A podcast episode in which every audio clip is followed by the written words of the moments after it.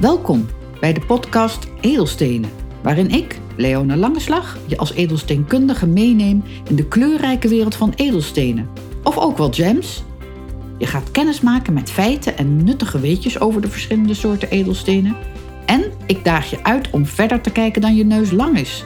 En vertel je graag over mijn belevenissen. Ook geef ik tips en tools die je kan gebruiken om instinkers of zelfs dure miskopen te voorkomen. Vertrouwen is goed, maar meten is weten. Leuk dat je luistert.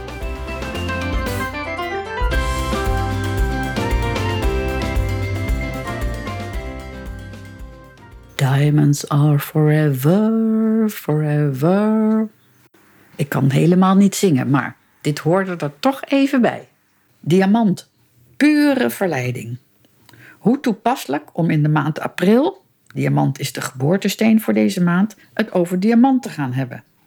En als we het over diamant hebben, dan weet iedereen wel wat je ermee bedoelt. Maar het feit dat er toch een hele lange ontstaansgeschiedenis aan vooraf gaat en er ook wel misverstanden en misleidingen er rond te doen, wil ik deze podcast dan ook geheel aan diamant wijden. En het wordt nog wel een uitdaging om dit kort en bondig te doen, maar ik ga mijn best doen. In deze podcast geef ik antwoord op de vragen van wat is nu precies diamant? Waar komt het uiteindelijk vandaan? Hoe krijgt diamant die geweldige schitteringssensatie? En hoe zeldzaam is diamant nu eigenlijk? Natuurlijk zal ik ook gelijk meer vertellen over imitaties en synthetische diamanten. Want of we willen of niet, we gaan deze steeds vaker tegenkomen. En dan is het dus voor iedereen van belang dat je daar meer over weet en in ieder geval weet welke vragen je moet stellen. Wat is nu diamant? Nou, diamant is het hardste mineraal op aarde en bestaat als enige edelsteen voor meer dan 99,95% uit maar één element, namelijk koolstof, carbon. Het andere mini-mini beetje wat er dan nog in kan zitten in de samenstelling zijn sporenelementen, zoals stikstof en boor. En deze elementen maken geen deel uit van de basischemische samenstelling, maar zorgen er wel voor dat de diamant een kleur kan hebben. Want zoals in een eerdere podcast verteld, hoe zuiverder de samenstelling, hoe kleurlozer het mineraal is. Diamant wordt heel diep in de aarde gevormd, wel 150 tot 200 kilometer in de diepte, onder omstandigheden waarbij hoge druk en hoge temperatuur aanwezig zijn. En de koolstofatomen die daar zitten, gaan zich vervolgens tijdens dat proces in vier richtingen op dezelfde manier binden. En die verbondenheid zorgt voor de hardheid van diamant. Het patroon, zoals de atomen zijn opgebouwd, het kristalrooster noemen we dat, behoort tot het kubische kristalstelsel. En bij het kubische kristalstelsel kunt u, of bij een kubus kunt u zich wel voorstellen hoe dat eruit ziet. En voor een, ruwe diamant is dat vaak in een octaedervorm. Uh, dat ziet eruit eigenlijk als twee piramides van vier gelijke zijden die tegen elkaar aanzitten. Uit onderzoek in de jaren 30 van de vorige eeuw is gebleken dat er in basis twee typen diamant zijn. Type 1 is met stikstof en maakt de diamant gelig, en type 2 zonder stikstof. Bij dat type 2 kan wel weer de vervuiling van boor voorkomen en die zorgt dus voor de kleur van blauw. Nou, uh, die speciale combinatie van de chemische samenstelling met maar één, één, één stof, hè, uh, koolstof, de kristalstructuur en het vormingsproces zo diep in de aarde, die geeft diamanten kwaliteiten om het zo buitengewoon interessant, schitterend en fraai te maken. Het woord diamant is afgeleid van het Griekse woord adamas, dat ontembaar betekent. En dit klopt ook wel, want pas rond 1300 heeft men ontdekt hoe je diamant kan ja, bewerken. Omdat het zo hard is, kan het dus ook alleen met diamant bewerkt worden, geslepen worden met diamantpoeder. Nog wel leuk misschien om te weten is dat er ook een ander mineraal bestaat dat helemaal uit koolstof uh, uh, bestaat. En dat is namelijk grafiet. Maar het vormingsproces en de kristalstructuur zijn heel verschillend dan diamant. En grafiet is dus zo zacht dat je ermee kunt schrijven. En dat zit dan dus ook in onze potloden. De kwaliteit van diamant wordt nog steeds weer weergegeven in de vier C's: color, clarity, cut en carat. Kleur, helderheid, slijpsel en gewicht. Maar er zijn inmiddels meerdere geluiden om die C's uit te breiden. Met bijvoorbeeld de C van confidence of creator en de T van treatments. Nou, in het kader van meer informatie, hè, meer, meer kennis over de stenen, ben ik daar natuurlijk een groot voorstander van. Hoe zit het ook alweer met de kleuromschrijving? Ook voor diamant geldt, in de meest zuivere samenstelling is de diamant wit, of beter gezegd kleurloos, en deze kleur wordt aangegeven door de letter D.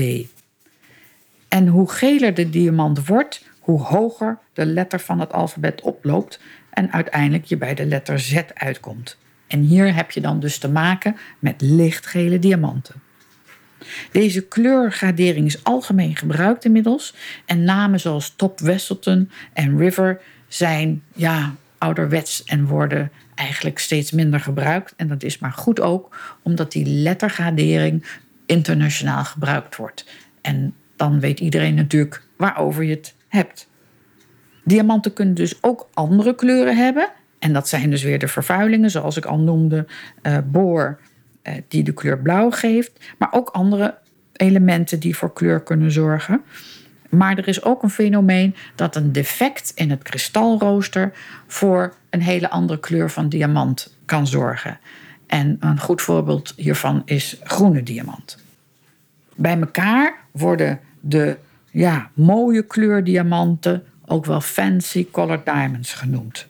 En dat is ook allemaal fantastisch om te zien en van te genieten. Dan zijn er nog twee begrippen die we vaak tegenkomen en die uh, ik ook graag wil noemen hier. Dat is loopzuiver. En dat is het moment dat als je met een loop de diamant bekijkt, je geen insluitsel ziet. Dat wordt ook wel afgekort met LC van loop clean. Dus heb je thuis een uh, loopje, ga eens kijken uh, als je ook een diamant hebt, uh, of je iets van kan ontdekken in die steen.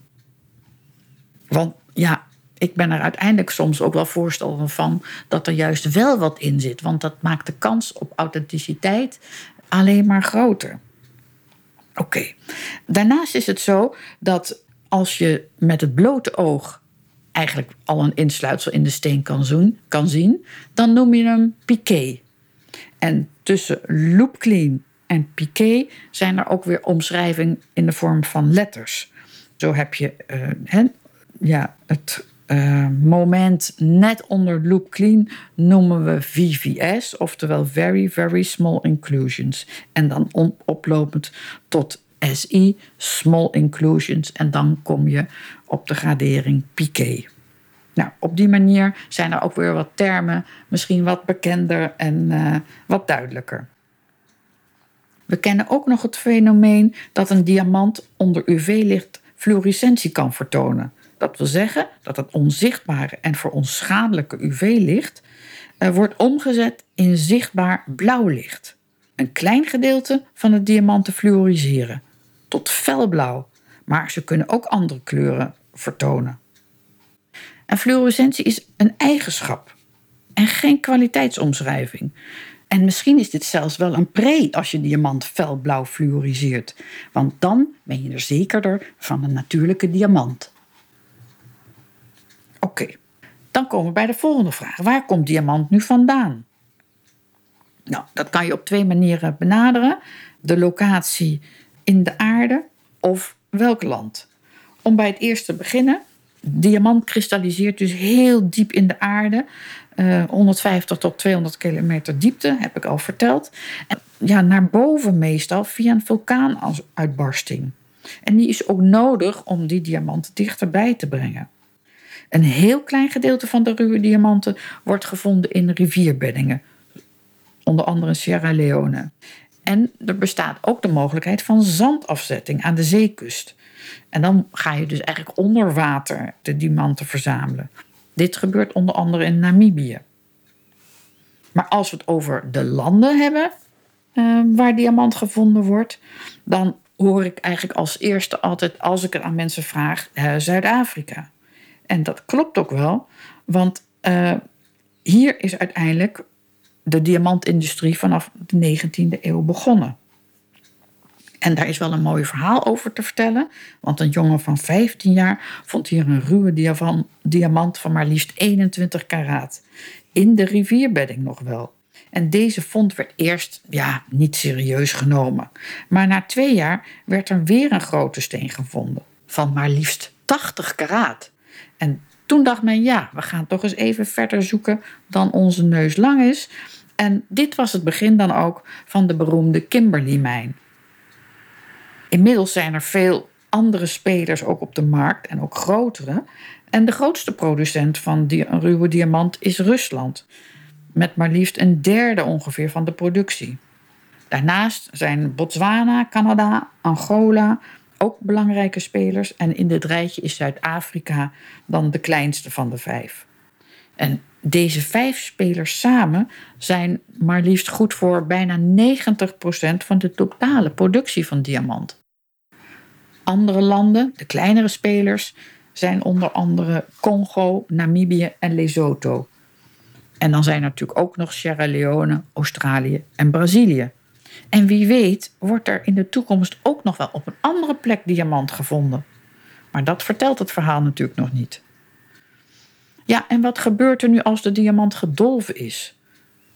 Nou, om daar iets meer over te vertellen, lijkt het me goed om het Kimberley-proces te benoemen. In 1998, 99 werd er voor het eerst in de Verenigde Naties over conflictdiamanten gesproken. Ook wel bloeddiamanten. En gelukkig is er in 2000 de resolutie aangenomen in de Verenigde Naties, bekend onder de naam Kimberley Process en Kimberley Process Certification Scheme. Dit heeft tot gevolg gehad dat 99,8% van alle ruwe diamanten via het Kimberley-proces worden verhandeld en deze dan ook conflictvrij zijn. Dus daar is een enorme goede ontwikkeling geweest om te zorgen ja, dat, dat we zo dicht mogelijk die 100% komen. Maar ja, zoals het eigenlijk met elk systeem uh, zo is, helemaal waterdicht is het is niks. Dus die, die laatste hè, 0,2 procent, 2 tiende procent, wordt nog echt wel een uitdaging om dat ook onder controle te krijgen. Maar goed, dit is al helemaal fraai. En vervolgens is er in 2003 de World Diamond Council opgericht. Met als doelstelling het bevorderen van maatschappelijk en ethisch veranderd, uh, verantwoord uh, ondernemen. En het mag duidelijk zijn dat daar natuurlijk de human rights ook enorm groot onderdeel van zijn. Gezien het grote aantal mensen dat wereldwijd in de industrie werkt, ben ik dan ook echt heel blij dat uh, de heer Edward Asher zich zo heeft ingezet voor de diamantindustrie. Via de World Diamond Council onder andere. En ja, eh, mede zorg voor draagt dat iedereen maatschappelijk verantwoord onderneemt. En die integriteit in die keten, hè, de blockchain, uh, ja, zo belangrijk maakt. Nou, je kan dus met een gerust hart nu wel stellen dat als je een mooi sieraad met natuurlijke diamant koopt bij de juwelier, ja, dat je een, een conflictvrije diamant hebt. En dan komen we bij de derde vraag. Waar komen de geweldige lichtbeleving en sensatie en sprankeling vandaan? Licht is een hele belangrijke factor om de schoonheid van een edelsteen en dus ook een diamant te benadrukken. En omdat diamant de hoogste lichtbreking heeft, 2,147, samen met de enorme hardheid, hardheid 10 op de schaal van Mohs, wordt zo'n 75% van het licht weerkaatst. Daarnaast is het ook zo dat het licht intern in de diamant wordt gespiegeld. En deze externe en interne reflecties zorgen ervoor dat de diamant die enorme schittering uh, krijgt, mits de diamant natuurlijk geslepen is.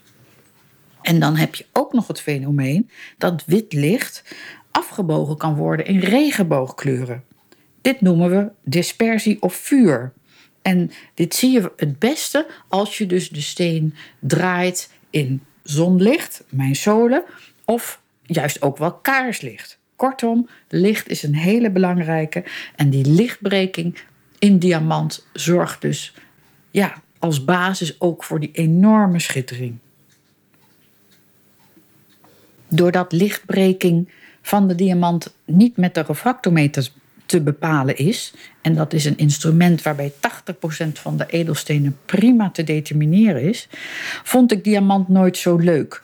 Maar sinds Sode Leone die speciale apparatuur tot haar beschikking heeft om wel iets meer met zekerheid te kunnen zeggen over de diamant, ja, vind ik alle ontwikkelingen die er nu gaande zijn enorm interessant en uh, vind ik het ook heel belangrijk om onafhankelijk advies te kunnen geven. Dan komen we nu bij de vraag: hoe zeldzaam is diamant dan nu? En daarbij is het goed om te zeggen dat het over de zeldzaamheid gaat van hoge kwaliteit diamanten die voor sieraden gebruikt wordt. Uit de cijfers van Statista en Geology.com weten we dat er in 2021 rond de 116 miljoen karaat ruwe diamant is geproduceerd. Nou, een geweldig bedrag of, of, of getal, maar het zegt me dus helemaal niks. Dus stel je voor, je hebt een grote berg ruwe diamant. Ja, dan weten we wel dat er inmiddels, of dat er maar 15 tot 20 procent van die grote berg ruwe diamant edelsteenkwaliteit heeft. En meestal zijn dat hele kleine steentjes en heb je al gauw 1 karaat nodig om überhaupt een heel klein steentje te kunnen slijpen. Nou, als we van die 20% ruwe diamant nu ook weet dat je dus 50% slijpverlies kwijtraakt, dan hou je uiteindelijk maar een 10% van die grote berg over. En als je dan nog eens realiseert dat om een mooie kwaliteit uh, van diamant groter dan 1 karaat te kunnen vinden, ja, dat dat echt een minimaal percentage is van die 10%, dan kan je het dus met me eens zijn dat diamant echt wel zeldzaam is. Als je daar dan ook nog eens bij bedenkt dat wellicht over 60 jaar de huidige bronnen uh, misschien op zijn, dan kunnen we alleen maar zeggen dat ja, diamant zeldzamer is, zeldzaam is en misschien alleen maar zeldzamer wordt. Volgens wetenschappers overigens is er nog heel veel diamant, maar heel diep in de aarde, in het binnenste van de aarde, waar we dus niet bij kunnen. Dus ja, mocht die uiteindelijk wel met vulkaanuitbarstingen naar boven komen, dan zullen er vast nieuwe bronnen komen. Maar in de toekomst kunnen we dus nog niet kijken. En als de diamant dan echt zeldzaam is, zijn er dan ook edelstenen die op diamant lijken en die we daarvoor dus kunnen gebruiken. Jazeker, en een van de meest gelijkende natuurlijke edelstenen, die veel te weinig aandacht krijgt naar mijn idee, is zircoon. Niet te verwarren met natuurlijk de kunstmatig geproduceerde cubic zirconia. En dat is waarschijnlijk ook de reden dat zircoon in het ja, zogenaamde verdomhoekje is geplaatst. Maar het is echt een prachtige edelsteen die heel dicht in de buurt komt qua sprankeling en het vuur, de regenboogkleuren van diamant.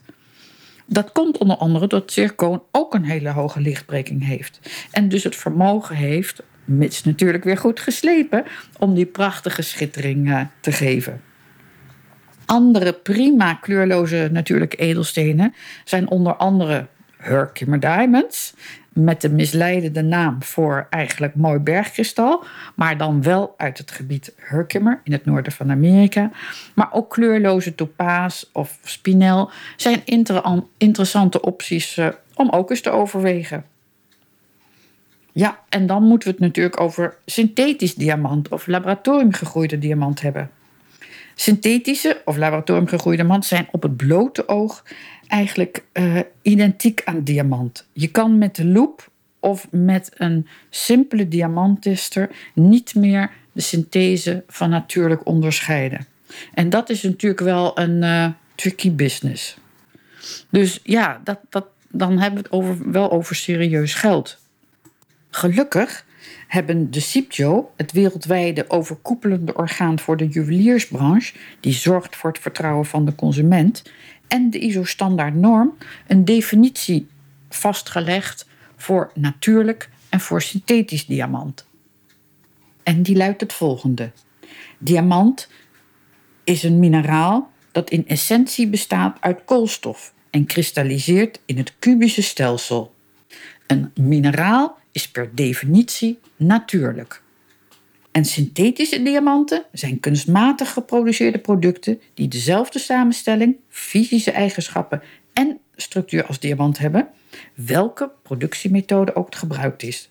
En dan hebben we het over HPHT, High Pressure High Temperature, of de Chemical Vapor Deposition, ook wel CVD. Juist omdat natuurlijk diamant en laboratorium gegroeid diamant zo extreem veel op elkaar lijken, is er dan ook afgesproken wereldwijd om altijd laboratorium gegroeid of synthese erbij te zetten als dat de situatie is. Want hiermee voorkom je verwarring bij de consument. Het prijskaartje van synthetische diamant is veel lager dan van diamant. Op dit moment denk ik ligt de prijs van synthetische diamant uh, op 50% ten opzichte van natuurlijk diamant. En ik begrijp ook heel goed dat de marketing van uh, de juweliersbedrijven die uh, synthetische diamant omarmd hebben, natuurlijk mooie kreten weet te bedenken. Maar de woorden echt, authentiek en puur zijn naar mijn idee misleidend. En ja, wees daar dus alert op dat als je het niet zeker weet, er altijd extra naar vraagt. Toen de synthetische diamant op de markt kwam, dat was in de jaren 80, was men nog niet in staat grotere en hoge kwaliteit laboratoriumgegroeide diamant te produceren. Maar het is wel een enorm belangrijk materiaal natuurlijk geworden voor de industrie en technische toepassingen. En ook niet meer weg te denken. En mogen we alleen maar heel blij zijn dat ja, dat, dat ooit ontwikkeld is en dat de mens daartoe in staat is om dat uit te vinden. In de afgelopen vijf tot tien jaar is er men in geslaagd om hele mooie, kleurloze synthetische diamanten te maken. En echt ook van edelsteenkwaliteit. Dus vandaar dat, uh, ja, dat het nu belangrijker wordt uh, om op te letten uh, wat je koopt. Leveranciers van laboratoriumgegroeide diamant zijn natuurlijk trots op hun product en zullen altijd correcte en transparante informatie geven over deze kunstmatige diamanten. En in theorie moet je er ook uh, op vertrouwen dat de volgende schakels in de keten hier ook goed mee omgaan. En altijd aan de juiste informatie en expliciet de melding van synthetisch diamant voldoen. Maar ja, daar gaat dat nog wel eens mis, naar mijn idee. Gelukkig is er inmiddels wel apparatuur ontwikkeld om die synthetisch diamant van natuurlijke diamant te onderscheiden. En ik begrijp prima dat goede apparatuur, ja, die is nog steeds erg duur, te duur is voor elke juwelier en goudsmid om die aan te schaffen. Maar het wordt wel steeds spannender wanneer het moment komt dat iemand hè, belazerd wordt. Om dit te voorkomen en het feit dat ik zowel voor juweliers, taxateurs, veilinghuizen als de consumenten, drager van mooie sieraden belangrijk vind dat ze de juiste informatie krijgen, biedt Sole Leone nu de mogelijkheid om je diamant in sieraden, los of gezet, te laten screenen. En dat is gewoon een hele leuke belevenis, want je gaat meemaken wat voor testen we doen. En als het goed is, kan je het bewijs krijgen, krijgen welke soort je hebt. Ja, en, en dat geeft uh, en een beleving en ook het bewijs dat je hopelijk hebt gekocht wat je wilde kopen.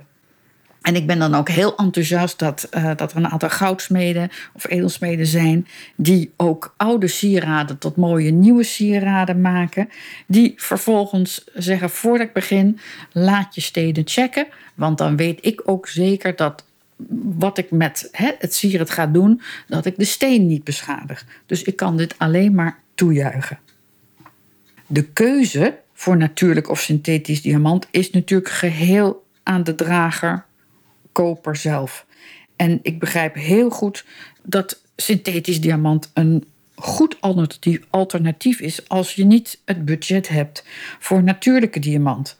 En dan ben ik dus ook blij dat die keuze er is. Dat je dat de mensen kan bieden. Maar ik wil er alleen maar voor zorgen en waarschuwen dat als je veel, uit, veel geld uitgeeft voor een natuurlijke diamant, dat je zorgt dat je zeker weet dat je ook natuurlijk diamant krijgt. Een ander verschil tussen natuurlijk en synthetisch diamant is misschien de restwaarde. Bij natuurlijk diamant weten we zeker dat het een restwaarde zal hebben, maar er is nog geen geschiedenis beschikbaar over wat er gebeurt als je laboratoriumgegroeide diamanten koopt in sieraden en je zou die op een gegeven moment willen verkopen. Ik weet niet of het net zo gaat als het bij synthetische robijn en synthetische saffier. In eerste instantie waren de prijzen toen dit op de markt kwam best wel hoog. Maar inmiddels zijn synthetisch eh, robijn en saffier ja, eigenlijk niks waard. Dus ik weet niet wat dat of deze ja, geschiedeniservaring ook zo zal zijn voor synthetisch diamant. Wel is het zo dat de aanschafprijs van uh, synthetisch diamant inmiddels al, ook al gedaald is ten opzichte van de introductieprijs. Maar goed, niemand weet wat er verder gaat komen. Als laatste wil ik nog graag iets meegeven over de term duurzaamheid. Ik volg zo goed mogelijk de informatie en onderzoek hierover wereldwijd, maar er is nog geen onafhankelijk onderzoek geweest. En er zal er waarschijnlijk ook nooit komen dat de productie van laboratoriumgegroeide diamant in alle opzichten goed kan vergelijken met het winnen van natuurlijke diamant. De kreet duurzaamheid bevat veel facetten en ook deze wordt nog wel eens verschillend geïnterpreteerd en kan dus ook verkeerde indrukken achterlaten. Vragen is dan ook de enige optie. Ook nog wel eerlijk om te melden dat we natuurlijk ook een heleboel diamanten reeds in de markt hebben die in sieraden zitten. Of misschien wel uh, verborgen in kastjes en laadjes. Ja, en als we die een nieuw leven inblazen en, en ja, dat weer tot mooie draagbare sieraden maken, ja, hoe duurzaam zijn we dan wel niet bezig? Dus ja, ik vind het altijd belangrijk alle facetten vanuit uh, zo'n kreet uh, te overdenken. Ja, en dan toch nog, om het verhaal compleet te maken, zijn er imitaties. Dit zijn materialen totaal anders dan diamant qua chemische samenstelling, maar ook qua fysische eigenschappen. En je moet dan natuurlijk denken aan glas, cubic zirconia, al eerder genoemd, en zelfs ook moisaniet. En dat moisaniet is echt een tricky one, want bij de simpele diamanttester zal moisaniet um, ja, eruit komen als dat het natuurlijk diamant is. En dat is natuurlijk geen goede zaak. Ook hebben we nog doubletten van double twee stukjes op elkaar of tripletten, waarbij je dus van drie onderdelen spreekt en daar vaak een uh, gekleurde kitlaag tussen zit. Dus als ik het nou goed samenvat, dan denk ik dat diamant een prachtige edelsteensoort is en dat traceerbaarheid van de herkomst en volledige transparantie van de informatie, wat we ook wel de, de full disclosure noemen, dat zijn belangrijke aandachtspunten voor de toekomst. En ja, hier wordt gelukkig heel hard aan gewerkt. Dus laten we met vertrouwen de toekomst tegemoet zien. En als je dan ook nog beseft dat het risico om iets anders te krijgen dan op het etiket of certificaat staat, eh, zeker als je het online of via het buitenland bestelt, groter is dan de kosten van, van het laten checken, nou, dan hè, weet je wat je te doen staat als je niet zeker bent. Want uh, Jane Goodall zei ooit: niets is vanzelfsprekend. En daar heeft ze helemaal gelijk in. Dan sluit ik graag nog wat uh, af met uh, een paar tips. Laat regelmatig je sieraden met diamant of andere edelstenen checken qua zetting. Want het is natuurlijk zonde als je je mooie diamant verliest uit een, uit sieraad. En laat ze daar dan ook eventueel schoonmaken. Als je zelf thuis je sieraden met diamant wil schoonmaken, maak een lauw sopje met een druppeltje afwasmiddel erin. Dat kan je rustig regelmatig doen, want ja, hoe, hoe mooier uh, schoon de stenen zijn, hoe prachtiger ze zullen fonkelen en, en schitteren. En dan als laatste, ja, berg je sieraden met diamant zo op dat de diamanten niet tegen andere materialen kunnen krassen. Want dat betekent gewoon dat andere uh, sieraden beschadigd worden. En dat is natuurlijk doodzonde. Ik sluit deze podcast dan ook graag af met, ja, eigenlijk waar ik mee begonnen was. Diamant blijft pure verleiding. Geniet ervan en bedenk goed bij de aanschaf van sieraden met diamant waar je hart ligt. Graag tot de volgende podcast.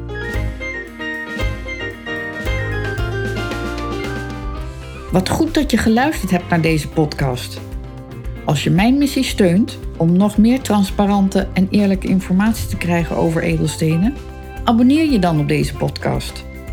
Wil je nu direct meer weten? Download dan mijn gratis e-book over 12 geboortestenen via de show notes.